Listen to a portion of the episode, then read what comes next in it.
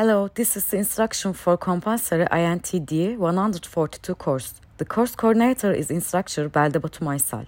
The content of this course is, in particular, topics of surface installation using wood material, formation of surface bonded with timber, clamped, and frame surfaces are examined.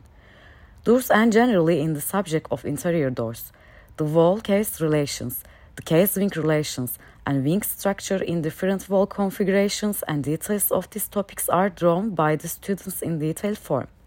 The aim of this course is to teach the solution of problems in the direction of final construction principles by way of examining final construction concepts and topics and achieve acquisition of a general knowledge, ability, and detailed solution capability.